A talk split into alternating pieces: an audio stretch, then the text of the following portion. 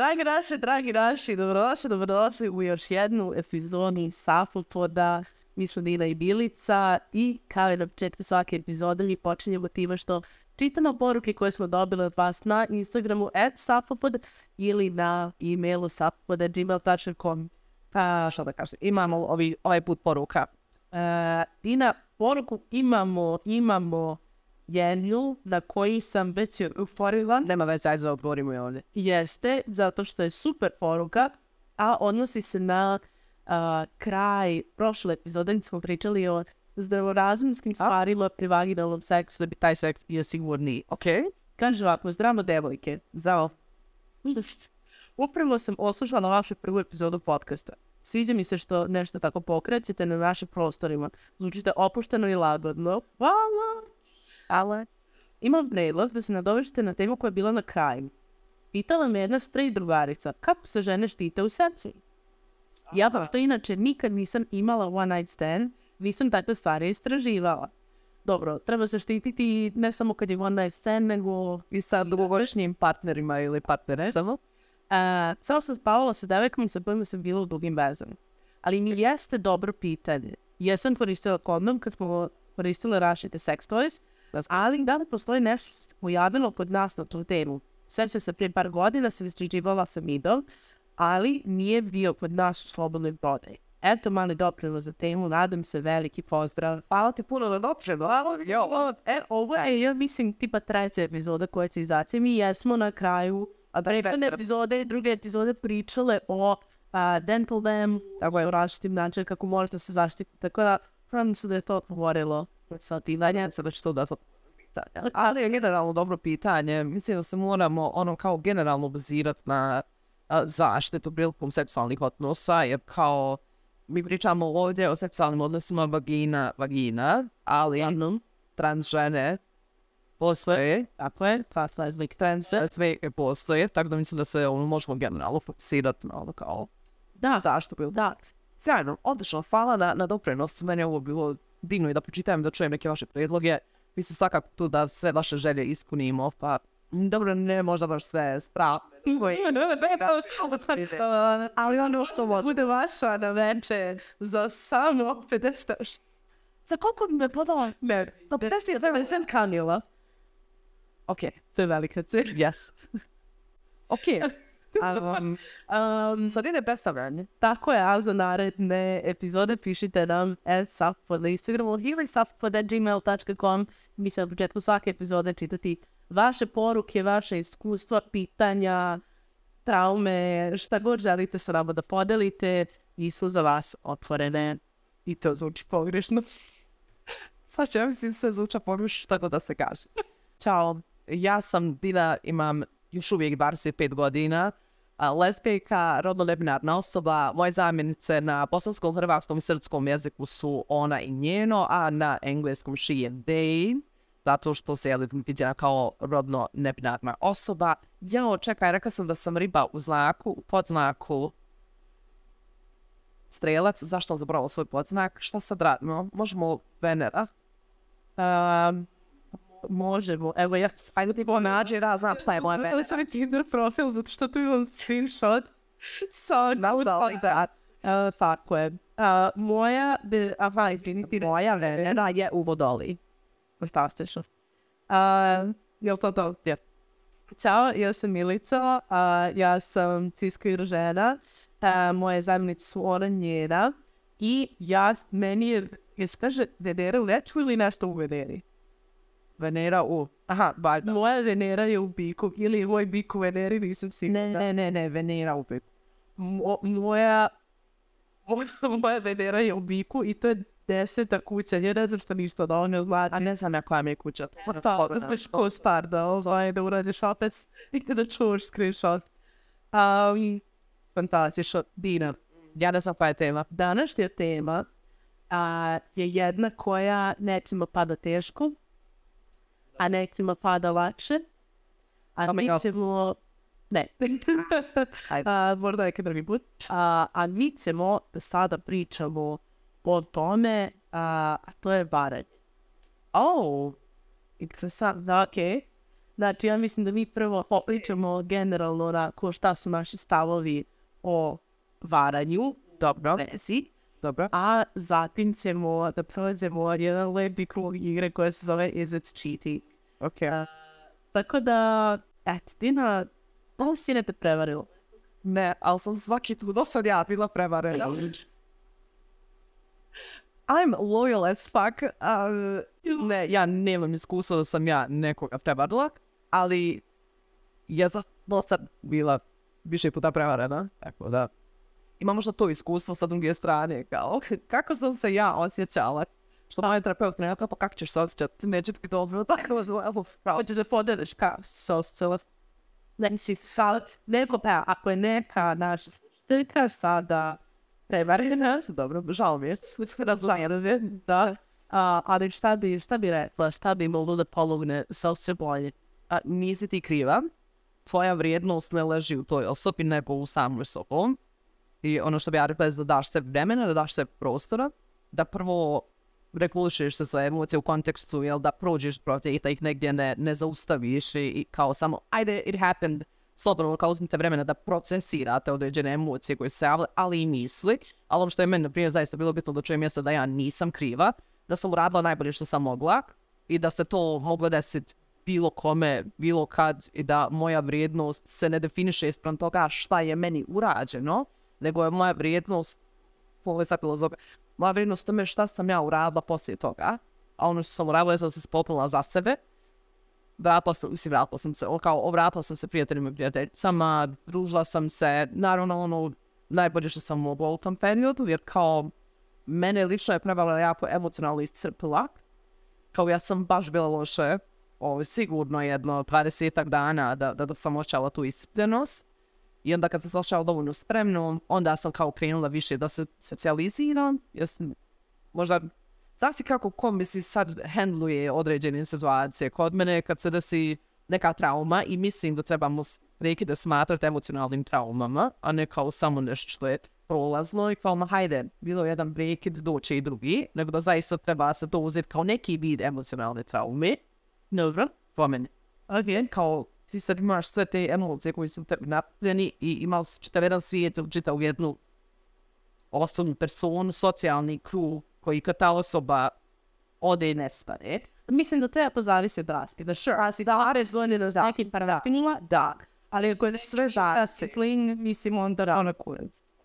Pa dobro, okej, nećemo generalizirati odnose, generalno kao neću da, da imamo taj generalizirane, pa kao da se sve odnosi samo na jedno, kao ne, naravno, zavisi od okolnosti, kako se prekinulo, na koji način, ali čak i kada je prekid, kao mutual, u smislu, hej, stvarno je, ovo više ne ide, ne ide sa moje strane, i to sam imala, tek sam iskustva imala, opet nije manje bolno, opet boli, opet kao nedostaje taj dio ili se javljaju oni misli kao a šta da smo ovo uradili, a šta bi bilo kad bi bilo, tako da ono zaista treba uzeti vremena da se procesira. Uglavnom da se vratim mi na. A, ja sam se jako loše, ja sam se osjećala bezvrijedno, osjećala sam se nevoljenom, osjećala sam se naravno ostavljenom, s obzirom da jesam bila ostavljena. I bile su mi teške emocije za, za procesirat, za preradit, kako god želiš. I iskupila sam povjerenje u druge ljude, što nije bilo ok. Vratila sam sad povjerenje, sad stvarno vjerujem, vjerujem ljudima, zato što je moja terapeutkinja meni rekla više gubiš kad ne vjeruješ nego kad vjeruješ, jer kao ti daješ svoje povjerenje, odgovornost druge osobe šta će uraditi povjerenja, a onda je tvoja odgovornost kako ćeš ti reagovati jel, na to, na to šta ti se, šta se desilo. Iskula sam povjerenje, znači ne samo kao u svaku iduću osobu s kojom bi možda e, eventualno imala nešto emocionalno i romantično, nego u apsolutno sve. Znači prijatelje, kolege, saradnike. Sad sam bila ono kao pogubljena, jer kao zaista im nisam vjerovala. Kad god neko kaže, "Hej, ne znam, tu sam za tebe ili nešto, nisam vjerovala. Posljedno, no. Ali kao na kraju dana, ono, moramo mi biti tu za sebe. Ali ne ona toksični self-love, kao ja to sve mogu sama. Naravno da možeš, ali Sama stekla. sama ste. Naravno da možeš, ali ne moraš. Ne moraš. Ono kao imaš ljude oko sebe koji će ti vrlo rado pomoći kad ti je to potrebno. Ako da ja sam se tako osjećala, jesi ti imala iskustva da si ti neko treba love, ovo je sad vjerojatno kompleksno će biti tvoj odgovor. Već, će biti kompleksno. Pa ne znam, pa ne znam, nismo nikad vodili razgovora. Ucija nismo. Um, pa ne znam, zato što je za mene, Dobro, mislim, a, rekla bih da, dobro. E sad šta je fora? Da je neko to isto meni uradio, ja to ne bi smatrala za prevaru. Opet sve je do Tako je. individualnog. Ali verujem da je toj drugoj osobi To, za da, da je druga osoba to doživjela kao prevaru. da. Što je validno. S tim su oni bili asshole, tako da ni, ni mi žao. Mislim, van toga, van, van te prevare. Mm, šta, ali da li je opravdanje ako je neko asshole da mu se kao to odradi? Pa ne, ne bi rekla Okej. da je opravdanje, ali Tebi lakše se nositi s tim. ne samo, ja se uo- ne osjećam na grižu savjesti. Zato što je bilo tipa, evo, sjećam se, na primjer, kad sam bila u srednjoj, Dobro. A, I onda, ovo će nekim ljudima biti halo relatable, ja sam bila petničko dete. A ti znaš šta je petnica? Petnica je istraživačka stanica gde idu deca da se bave naukom. Ajde, bro, onako ideš na seminar da se baviš naukom. Stvarno, mi Par nedelja godišnje ideš tamo i budeš stvarno. No, u svakom slučaju, u Rednici ima puno, mislim kako kažeš, stavlješ gomilu tinejdžera zajedno u jednu, u jedan prostor. Um, I ja kad sam bila, ti mi uzimam maj, tamo, mi smo tipa igrali fote ili tako nešto, i ja sam je poljubila nekog, opet fote. Aha, i ti si poljubila neko. ja sam poljubila bila nekog, Dobro. Um, I nije... U tom sam bila s nekim momkom. Dobra, koji je bio u kući u Novom Sadu. A, nisam mu nikad ni rekla. Zato što, zato što je to meni bila toliko nebitno. I meni je to bilo toliko samo... Sad se oljubac. Da, su kao, po, isto mi isto mi ko sam zagrlila nekog, nije bilo, Aha, okej. znaš, Ok. ja nemam, sad prvo sad ćemo ući u to, ali mislim, verovatno i zato što sam poli, zato što nekako sve to zajedno, ja, meni ne volim te što su prvenstveno nametnute granice i norme, kao, aha, ne znam, da te poljubim u oprazi, ok, ali da te poljubim u usta nije ok. Zašte? Aha. Razumiješ? Ovaj, dobro. Tako da ja, ja ne vidim Nisi još ti stavila značaj nikakav dublji na taj poljubac, osim da je to bio kao, da, kao u zagrljaj. Tako je. Znači, zato i kažem, mislim, čak i da je bilo neke tu kao strasti, to ni na koji način ne utiče na to kako se ja osjećam prema u vezi i ne, ne utiče na taj odnos. Opet, foli. It's probably different. Ne da. Ali, Ok, da, da, zašto? da, da, ali mislim, tako da opet, da ne bi isto meni uradio, meni to bi sasvim okej. Da, zato uvijek polazimo od onog da je individual. da, da li je trebalo da ja čak i mi jesmo, sad ne se to je bilo stvarno davno. Čak ja nisam sam ja pričala sa njim pre nego što sam otišla u petnicu, pošto mi to bio već ne znam koji put tamo i kao, e, znaš, tamo se opišu, dešava svašta nešto, šta ti misliš o tome i da je on onako šmrljavo odgovorio. Znaš, nije baš bio ni kao ok, nije, nije bio ni nije ni ok, što je trebalo da znači da mu nije ok i da sam ja to poštovala, nije trebalo da ništa uredi. E sad to što ja nisam poštovala ni njega, ni njegove odluke je druga stvar, ali opet podsjećamo se he was an asshole. Um, Što nije opravdanje. Žao mi. Ok. Ali ne, stvarno, kao taj, taj moment šta će koja osoba doživjeti kao prevaru, da, je kao lično kontekstu, ako su moje lične granice spram onog što se dešava ili ono što bi se potencijalno moglo desiti. Zato ja preporučujem svaki put kad uđemo u neki novi odnos sa nekom drugom osobom da porazgovaramo, ali ono jako konkretno pitanje, hej, šta ti smatraš? Kao, mi ću vam dati primjer za koji minut toga. Može. E, Ina, da li ti imaš neku tvoju definiciju prevare? Pa meni je prevara, kako je ja definišem, a, kršenje postavljenih granica sa partnerom i partnericom.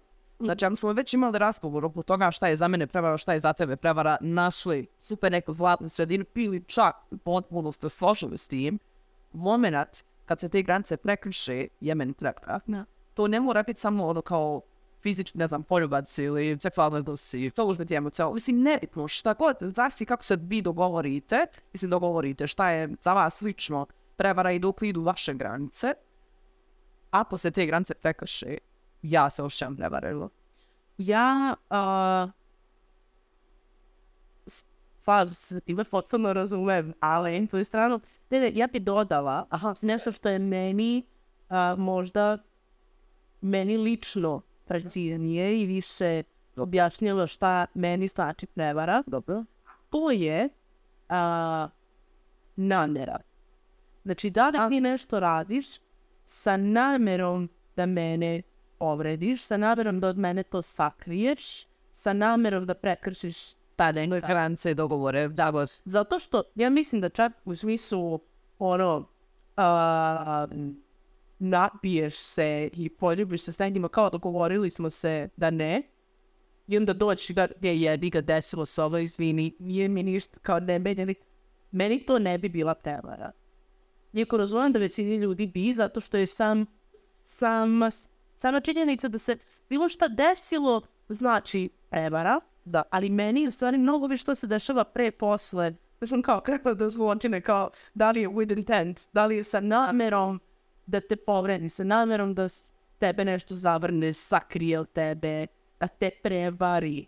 Razumeš, da li je to bila namera ili se desilo nešto što je možda kršenje vašeg nekog jel, da, društvenog ugovora, a, a ali kod jebi ga desilo što dođe kaže, je, slušaj, to je to se desilo, Izvini, ja mislim kao ni- nije mi bila namjera da te povredim, ja sam osjetila da je to nešto što je meni potrebno, ja sam to želela da uradim, ja sam to na na na. Razumeš, samo da je nekako otvore to meni, onda ne bi bila prevara. Da. Mislim, ni meni. Je, da, super si se na- na to jer ja uvijek gledam namjeru. Kao pa je namjera bila iza toga. Međutim, mi nekad ne možemo da procijenimo da li, ono, kakva je namjera bila te osobe. Razumiješ, ja mogu imati namjeru, razumiješ, da te povrijedim, da te na neki način degradiram, da ti odsnim tvoj Ja ću Neću. Neću. Da ti odsnim neku tvoju vrijednost, a onda kao tebe dođem i kažem, a to meni nije bila namjera. Ja sam eto kao imala. Dobro, jel, da si šipak, mislim. Ali, pa zato je bitno ono kao dovoljno znat. Ja, ja uvijek želim vjerovat da mi duboko u sebi znamo da li je to bila ono kao ajmo sad nazvat sa namjerom prevara, u konceptu da li je išlo neko sa namjerom da nas povrijedi ili se to desilo, ne znam, iz neke druge potrebe ili čega god što se možda treba dodatno iskomunicirati, raditi na odnosu. E, imala sam neku pojentu s ovim, sad da se vratim na pojentu. Da, da, da, da. E, Da, iako možda nekad a, ne možemo mi da prepoznamo da li je bilo sa namjerom ili ne, ja negdje, ne znam li to do moje kao neke spiritualnosti, ali kao želim vjerovat da kao duboko u sebi znamo, jer kao već idemo pretpostavkom da znamo osobu s kojom smo i da znamo prepoznati da li je nešto urađeno da bi nam se nanijela šteta ili čisto iz ne znam, neke znatiželje ili bilo koje druge potrebe. Zato je onaj moment otvorenosti i komunikacije i povjerenja i svega nešto što je meni temelj u mojim odnosima. Da ono stvarno sjedimo i razgovaramo o bilo čemu. O kao samo da sjedimo priče i i da nema ne znam da sad se nešto odugovlači ili da se ne nazove pravim imenom, kao pa eto šta bi ti kaj ja, da te. Znači, so, da te pitam, majste baš jasno za to. Ajde, uvijek Da. da. me pitam. Sijam? Sad, Znaš, na to tvoj iskreni savjet nekome posluša. Znači, sad neko je u vezi već neki period i nisu nikada pričali o tom sa, sa svojim bajkom. Dobro. E, I žele da pričaju važno im je kako započeti taj razgovor bez da to ispadne kao aha ti sad mene želiš da varaš. Da. Razumijem, Ja. potpuno razumijem da je to vrlo, vrlo tricky situacija koliko god dugo da si s nekim ako znači da ste deset godina zajedno i da nikad niste pričali o tome neko možda je što duže je prošlo, možda je i teže onda kao odjednom sad pokrenuti e, a šta bi tebi šta tebi znači da te prevari? Mm. Šta Interesantno Kako pitanje. to pokrenuti? Ja sam tek skoro nekad krenula tako direktnije da komuniciram sa svojom partnericom, sa ovim drugim bivšim partnericama, jel, koje su tu bile negdje nisam, što je možda bila i greška, trebali smo komunicirati, ali recimo kad mi se javilo to pitanje, ja sam njoj došla i rekla nešto u kontekstu, sad, mislim, davno sam pričala o tome, u smislu, hej, meni ovaj odnos naš toliko bitan i toliko značajan, ja ne želim nenamjerno, baš sam tu riječ slušala, da te povrijedim, možemo li mi razgovarati o našim granicama u smislu šta za tebe predstavlja prevaru, ili, mislim, imate sad ono na TikToku iskače kao is it cheating when? I kao samo iskoristi šta je moment. Ono, hej, šta ti misliš da je to? Mislim, to je možda malo ne toliko direktno komuniciranje, ali ja ono kažem, hej, zaista mi je bitan ovaj odnos, značajno mi je da imamo ono kao komunikaciju, povjerenje kao temelj. Ja ne želim svojim postupcima nenamjerno da te povrijedim, jer na istu stvar gledam od drugim Još mislila sam se krenuo tu WC-u, pa ne znam da li je to tebi problem. ja nisam to rekla. Rekao, samo, mene je stvarno interesovalo, mene je živo interesovalo, ako ne znam, mislim, neko smatra, ne znam, prevarom ako ti, ne znaš, lajkaš, ne znam, ićemo poslije to, lajkaš neku fotke, meni tu nije prevara. Je li tebi? Ako jes, daj da vidimo na koji način možemo da pravimo ili kompromise ili dogovore, zavisi na kojim ste spektrima i da li postoji fleksibilnost u tim granicama. Ja želim da verujem da uvijek treba postojati fleksibilnost u granicama, kao ne da budu čvrste, da baš nikako ne možeš da, da i pomišljamo da neki ima loše, da ne možeš ti kao osoba lipsom da rasteš, a onda kao ne treba biti previše sve. Baš na tog momenta kao da te neko ne bi izmanipulisao ili bilo šta, nego da baš ono kao bilo gledala fleksibilne i ja sam to na taj način radila, samo ono kao iskomunicirala. Bitan mi je naš odnos, bitno mi je da zna kako se ti osjećaš, bitno mi je da te ne povrijedi nenamjerno, nemam namjeru da te prevarim s bilo kim, ali radi našeg odnosa je kao moje mirne duše da mogu lijepo da spavam na večer, možemo li imati razgovor od toga šta je za tebe prevara, a šta nije. I to je bitno da znaš šta nije. I uh, često radimo oni check-ins, kao je da li se slučajno šta promijenilo, koliko ne znam, desi se neka nova situacija koju možda mi nisam predvidjeli, onda kao komuniciramo. Mislim, mi stvarno imamo toliko dobar odnos da je nama komunikacija stvarno kao temelj i onda ja kao nemam problem uopšte njoj da dođe s bilo kojim pitanjima. Od toga uh, da li bi me voljela da sam buba i koja bi ja to buba bila do ono toga, eto to, šta je za li bi vadila iz zatvora? Da li bi vadila iz zatvora? I to je bilo pitanje. Do ono toga to, šta je za tebe prevara? Šta ti smatraš? Ne znam, šta je za tebe monogamija? Šta je za tebe poligamija? Stvarno smo vodili razgovore koji poly, pa kako se polyamor, polyamory, polyamorous, whatever.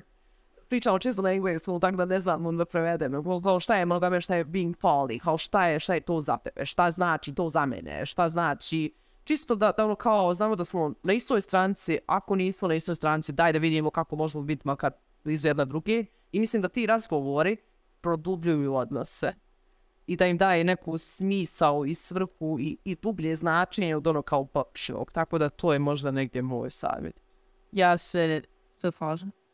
Sve se slažeš. Šta ću to tražiš? Slažemo, uh, is it cheating? Ajde. A ne loše sad vrijeme za Jeste da, Matt, u stvari nije.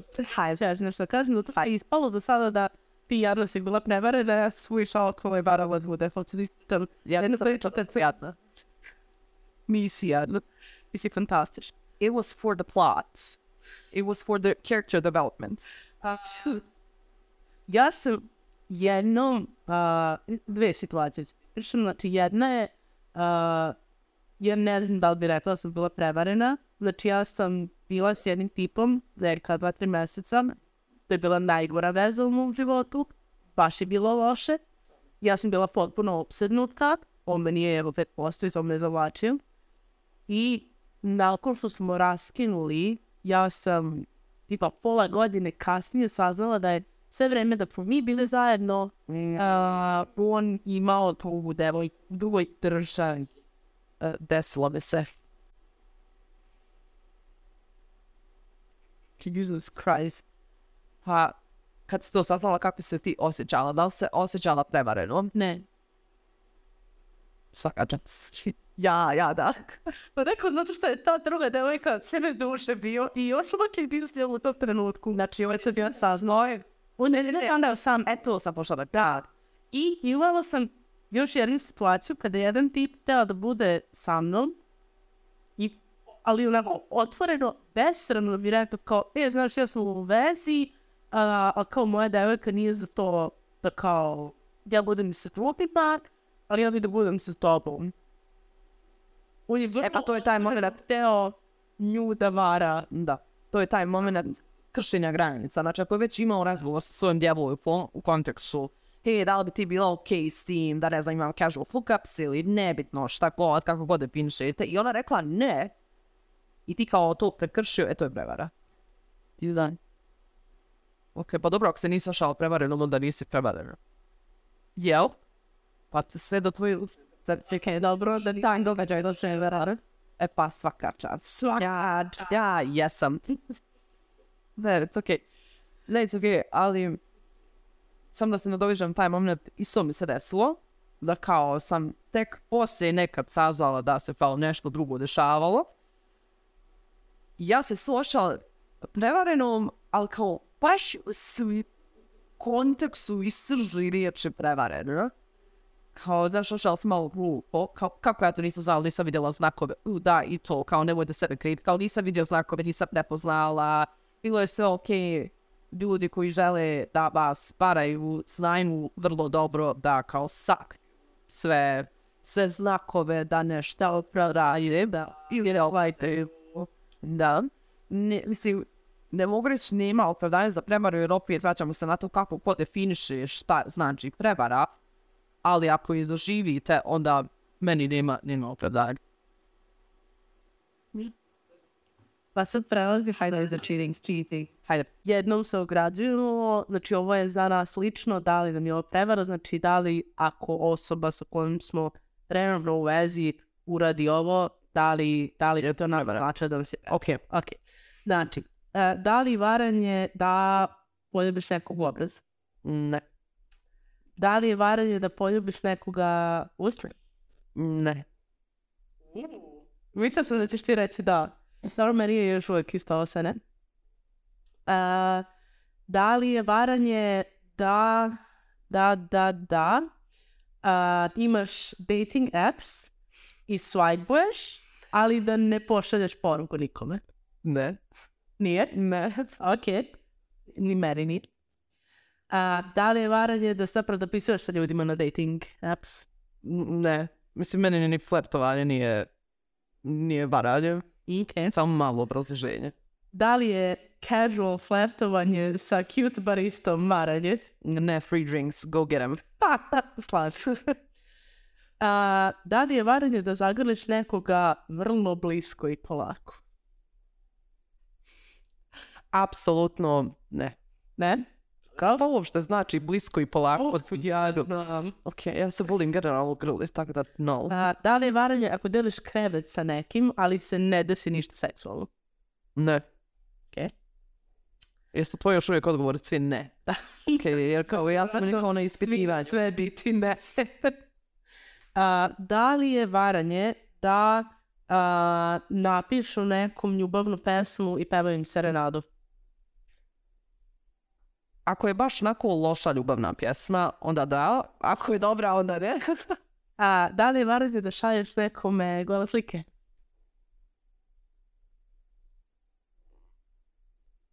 ne, mislim, uz dužno poštovanje, I send my nudes to my friends for check.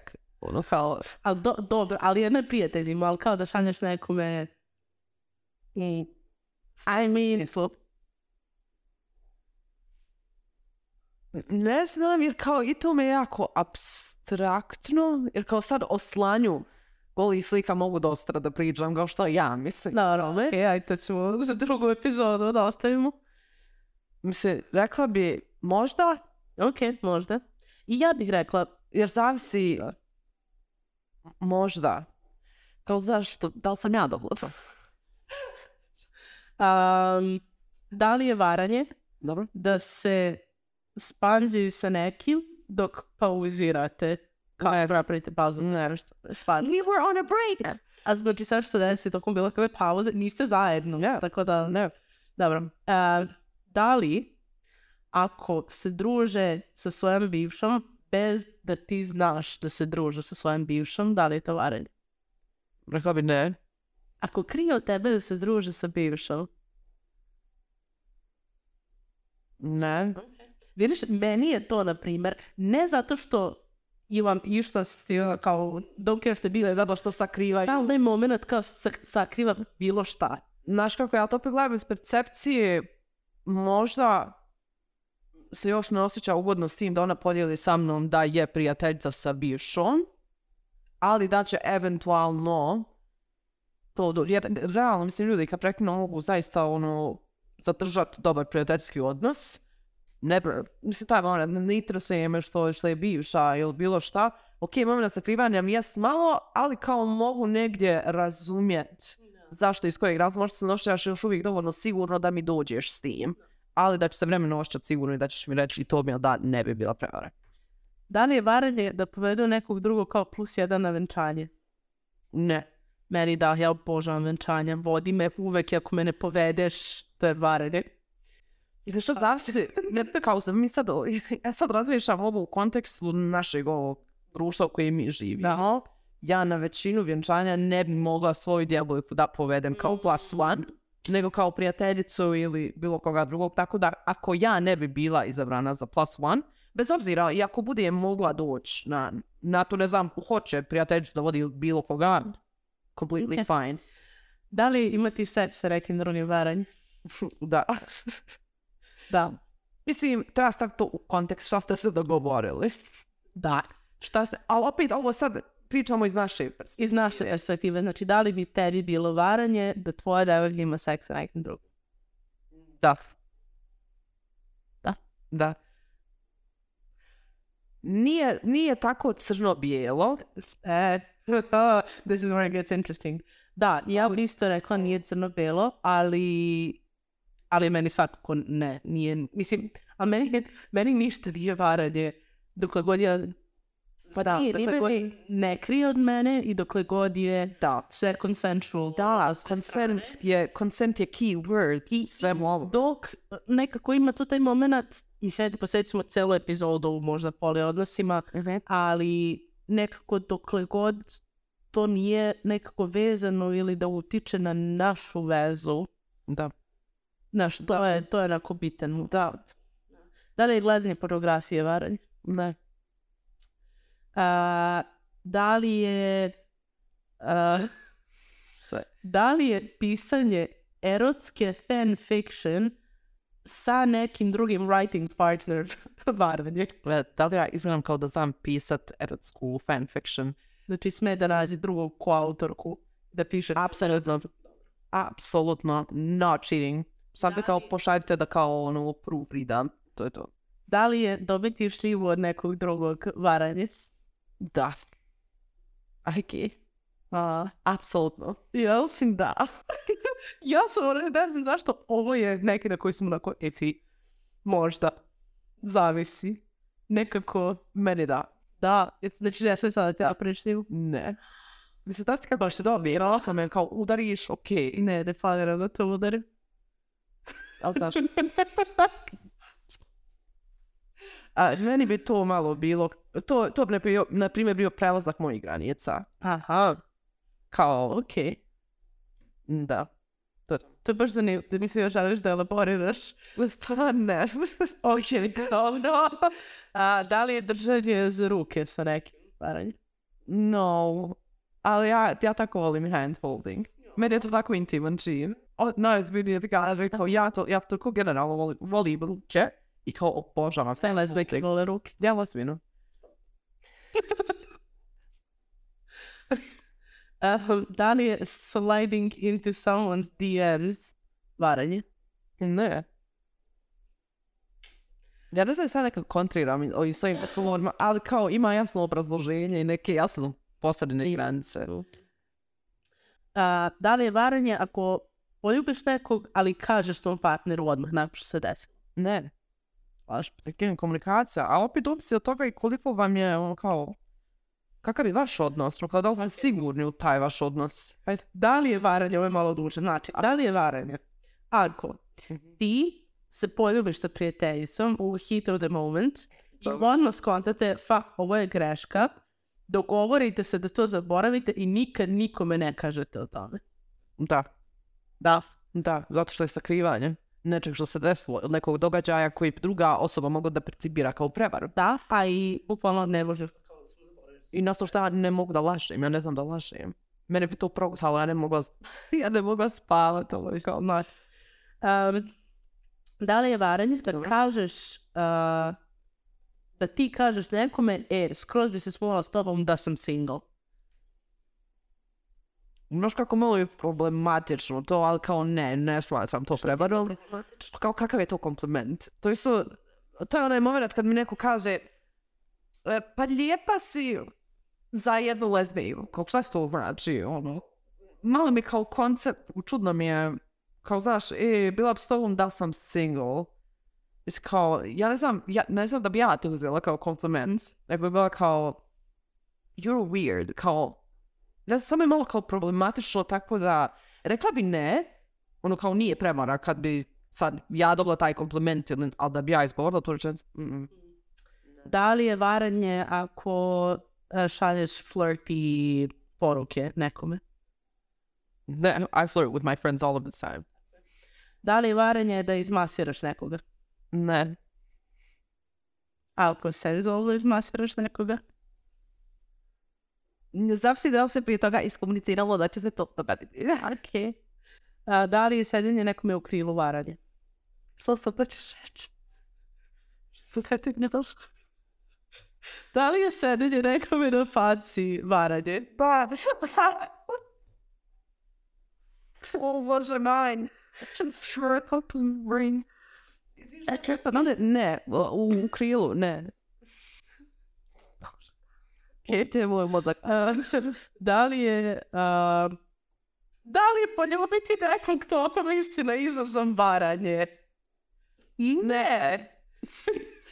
da li je varanje ako kažeš svoje bivše da, je, da si još uvijek zaljubljen u njih? Da, emocionalno. A šta ako jesi još uvijek zaljubljen? Pa, prekine sa partnerom ili partnericom. Ali ne, ne želiš da opet budeš tima, bili ste toksični zajedno, ali prosto osjećaj... E, bro. A sad mi ti stavili prešipotetske situacije. A, ako ste još uvijek zaljubljeni u bivšu ili u bivšeg, a zaista ste bili toksični jedno za drugo ili tu bio neki nasilan odnos, onda je moja topla preporuka, kao i svaki put, da se ode na terapiju i da se prerade te emocije. Dobro, dobro. Bum. Ja, izvinite što sam dosadna. da li je varanje da kupiš, uh, kupiš piće nekome u, baru, Ne, ako su slatke? još bolje. da li je varanje Dobro, se ti smolaš s nekim, dobro. ali sa, sa tvojom devojkom si tek par nedelja i niste još officially rekli da ste ekskluzivni? Znači, Čekaj, ako se nešto desi, dobro, ako se nešto desi pre nego što si kao ex... Meni bi to bilo varanje. Da, jer onda ako već se nešto dešava sa drugom osobom, onda ti je to automatski lampica da trebaš s ovom drugom osobom s kojom imaš nešto da pitaš opet direktno, hey, are we exclusive? Hey, da li smo mi ekskluzivni? Na, Tako bi to bila prevara. Mislim, to meni očigledno ništa nije varanje, ali da mi jeste da sam, na primjer, monogamna, a, ja mislim da ovo svako mi ne bi bilo varanje, nego bi mi više bio znak da možda ni ne treba da budem ekskluzivna osobom. Aha, Da nekako, aha, okej. ako, uf, ok, imamo Ako. hypothetical, hajde, okay, znači, ako ste ti partnerka u otvorenoj vezi, imate pravilo da su druge o- ostale veze samo fizičke, Dobro. ok? Da li je varanje da odeš na dejt sa nekim drugim? Ne. Mislim, date ne znači nužno da imaš emocionalnu konekciju sa nekim. I možeš biti, ne znam, gentleman, gentlewoman, gentle day, kako god. Kao želim prije fizičkog susreta sa s tobom da te, ne znam, počasni večercu, makar ti piće plati. God, invite on a drink before you sit on my face. Before you drink, it a bore. Ali ne. A, tako da, rekla bi da nije. To nije. Da li je um, sugestivno uh, igranje sa nečijom kosom varanje. Ne. Znači, ja sad. Tu ti vrckam tvoje lokne. Opet ne. A, izvini.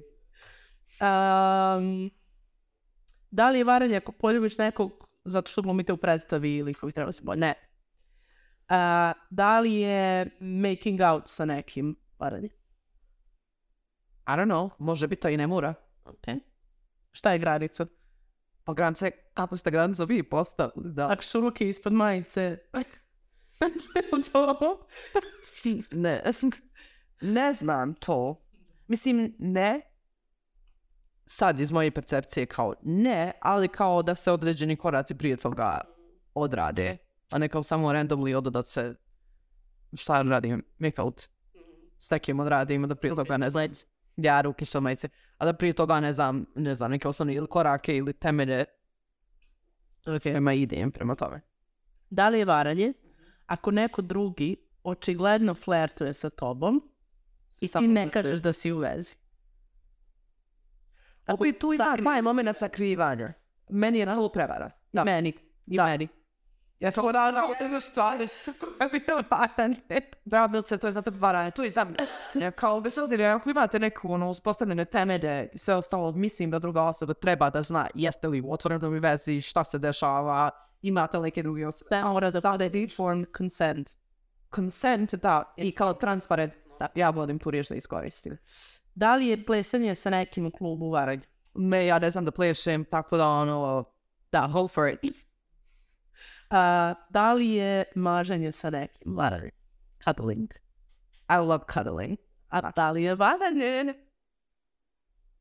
zavisi ima emocionalnu komponentu iza toga. Ako ima, onda kao, ne bi se osjećala prevarenom, ali bi me zabolilo. Iskomunicirala bi to da me zabolilo. Kao, it's cuddling, I love cuddling. Kao to je exclusive premium tretman za mene.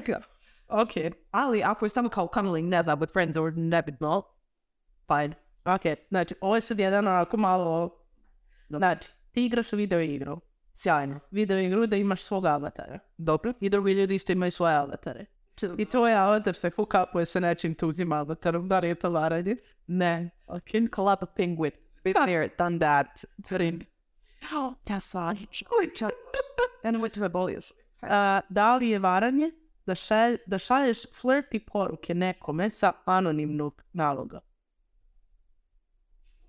Why would you? Why would you? Ja kao nije varanje, but why? Da bi bio anoniman. Ili anonimna. Da li je varanje ako deliš šator sa svojom bivšom dok se na kampove?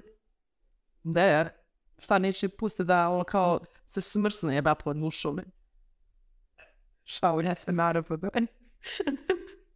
Um, ako je tvoja partnerka u konjim mesecima i možda se neće probuditi, da li bi bilo varanje da se sluvaš nekim drugim? Da, kao, ja, ja ne bi znala za sebe, meni ne polo na um, da kao, hej, pa ti si malo u kome, ja ono malo, pa ne, Šta, misliš da ne bi imala potrebe? Ne. Ne, ne, ja mislim, meni bi to bila tolika emocionalna trauma, kako se doživio taj događaj, da kao, uopšte ne bi imala, po, ja, ne čujete šta god, ne bi uopšte imala potrebu za, za hookup bilo kakve. Meni je to nije varanje, što više imamo daleko varanje. If I'm not waking up, go for it. I mean, same if I don't wake up, ali ako je volim iz svoje perspektive, a? Kao da sam ja ta osoba čija je partnerca, Da, da. kome, ja bi, ne bi mi palo na udru. Ok. To je to, kako se osjećaš posle tih ovih? Ostala mi ova sad scena, Aha. come on. Dobro. Jebi ga. A da li je varanje da se pretvoriš u bubu i nađeš drugu devojku? Apsolutno da. Tvoja kao ljudski oblik djevojke je dužna by the lesbian law da ti napravi neki lijep terarijum i da ti tu čilaš i da te još uvijek voli kao bubu. ili crva. Ili šta god želiš da budeš. To je vrlo zdravo, emotivno. Apsolutno. Apsolutno. Ako dotad niste iskomunicirali šta je varanje, šta nije, sretno vam, nek buba nagađa, ali bi vam... Kako se buba osjeća skočiti na drugi kamen i Kako se da zoti buba? Da li je varanje da odeš u tuđi terariju? da te neko drugi... da. Zašto bi išla u tuđi terariju, moja djevojka mi napravila savršen. Ne znam ja. Ajde, bubo. Uh, ok, Lina, idemo fun educational fact with Milica. To mi je najdražniji podcast jer ja kao svašta naučim zajedno s ona. Hajde. Jeste. Uh, o čemu ćemo sada pričamo? Da li ćemo mi da nastavimo o sigurno vaginalnom seksu? Dobro, Ja mislim da hoćemo, hoćemo. Uh, što je- Hajde da pričamo o, o nečemu a, što je onako za mnoge kao škakljiva tema, to je održavanje higijene vagine. Aha, dobro. A, zato što je to deo sigurnog seksa, pogotovo neke stvari, na primjer, Dina, da li znaš šta je dušing? Ne. Dušing je kada ti uzmeš vodu ili neki drugi rastvor u pipetu i onako ispiraš svoju vaginu ili svoj anus ili bilo što tako, a, da bi kao iščistila a, šta god. Dobro. A, Zar nije kao, ono kao... da, neće ti iznenaditi da to nije zdravo. Pa sad sam pošla to da kažem, ok, znači ipak nešto zna. Tako je, znači sem ako ne postoji neki medicinski razlog zašto treba da radiš, nemoj da ispiraš svoju vaginu ničim. Naše vagine su jako divne i pametne i one znaju same da se očiste, to je, to je sekret, tome sekret služi. Tako da a, nemoj nikada da ispiraš svoju vaginu, a vaginu samo, to vaginu ne diraš u bulvu, opereš a, toplom vodom i ako želiš sa nekim blagim sapunom, a, Lagim. Vlagim, vlagim bez mirisa, bez bilo čega, sa nekim baby sapunom ili tako nešto. E, također, ako biraš da se briješ, da se depiliraš, da bilo što tako skidaš dlake na ili oko vulve, a, molim da bude pažljiva. Zato što to izaziva onda stvari kao što su urastle dlake, koje mogu da se upale i onda možda imaš mnogo veliki problem. A, tako da samo kao pazi da eksfolijetuješ kožu, pazi da uvek koristiš novi oštar briješ, samo da deliš prijače sa drugima. A, ako ideš negde da ti kao profesionalno vosko ono, depiliraju, a, idi na proverena mesta. A, tako samo kao generalno pazi oko toga, zato što kao, zvuče kao glupe male stvari, ali stvari mogu da ti izazovu veliki problem ako ne paziš da. A, šta još može da spada u održavanje higijene vagine? Um, piški posle seksa. Lepo to puta rekao. Um, pa eto, a? Kratko i slatko. Kratko je za epizod. Kratko, slatko, jasno. Kratko, slatko, jasno. A, a smislit ću nešto, nešto s više mesa u, u sledećoj, sledećoj epizodi. Znaš ti da sam ja jako tužna na sljedećoj epizodi. Zašto si jako tužna već? Zato što se mi vraćamo na long distance podcast. Tako je. Ovo je posljednja epizoda za sada koju snimamo uživo. Skupa. Da, bez tehničkih problema, jel? Mada možeš ti ovdje spiždi ovo pilu pozadini. Ma neće. A, Dina, da li želiš da out? Može. Dragi i drage. Dragi i drage, hvala vam puno što ste bili uz još jednu epizodu Safopoda sa Milicom i Dinom. Kao što smo rekli na početku, stojimo vam na raspolaganju za vaša mišljenja, pitanja, traume, iskustva, šta god želite da podijelite s nama. Dostupni smo na društvenim mrežama, Instagram at safopod i na e-mailu safopod at gmail.com, ali vrtimo se na drugim socijalnim mrežama, ima nas malo i na TikToku, ima nas i na Spotify, ima nas svugdje, tako da nas pronađite, a onda vidimo se u idućoj epizodi. Ćao!